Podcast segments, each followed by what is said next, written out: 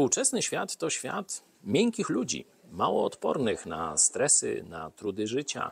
Stąd tyle problemów psychicznych, depresji, tyle potrzeba porad, terapeutów itd., tak itd. Tak Oczywiście, kiedy trzeba, skorzystaj z porady.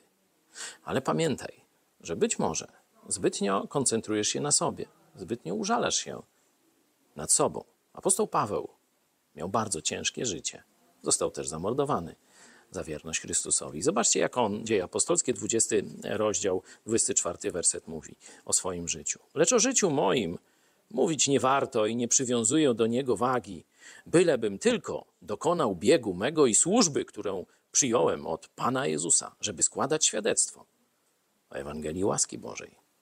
Nie skupiaj się na swoich cierpieniach, przeżyciach, uczuciach. Jeśli jesteś chrześcijaninem, to skup się na tym, by owocnie Jemu służyć.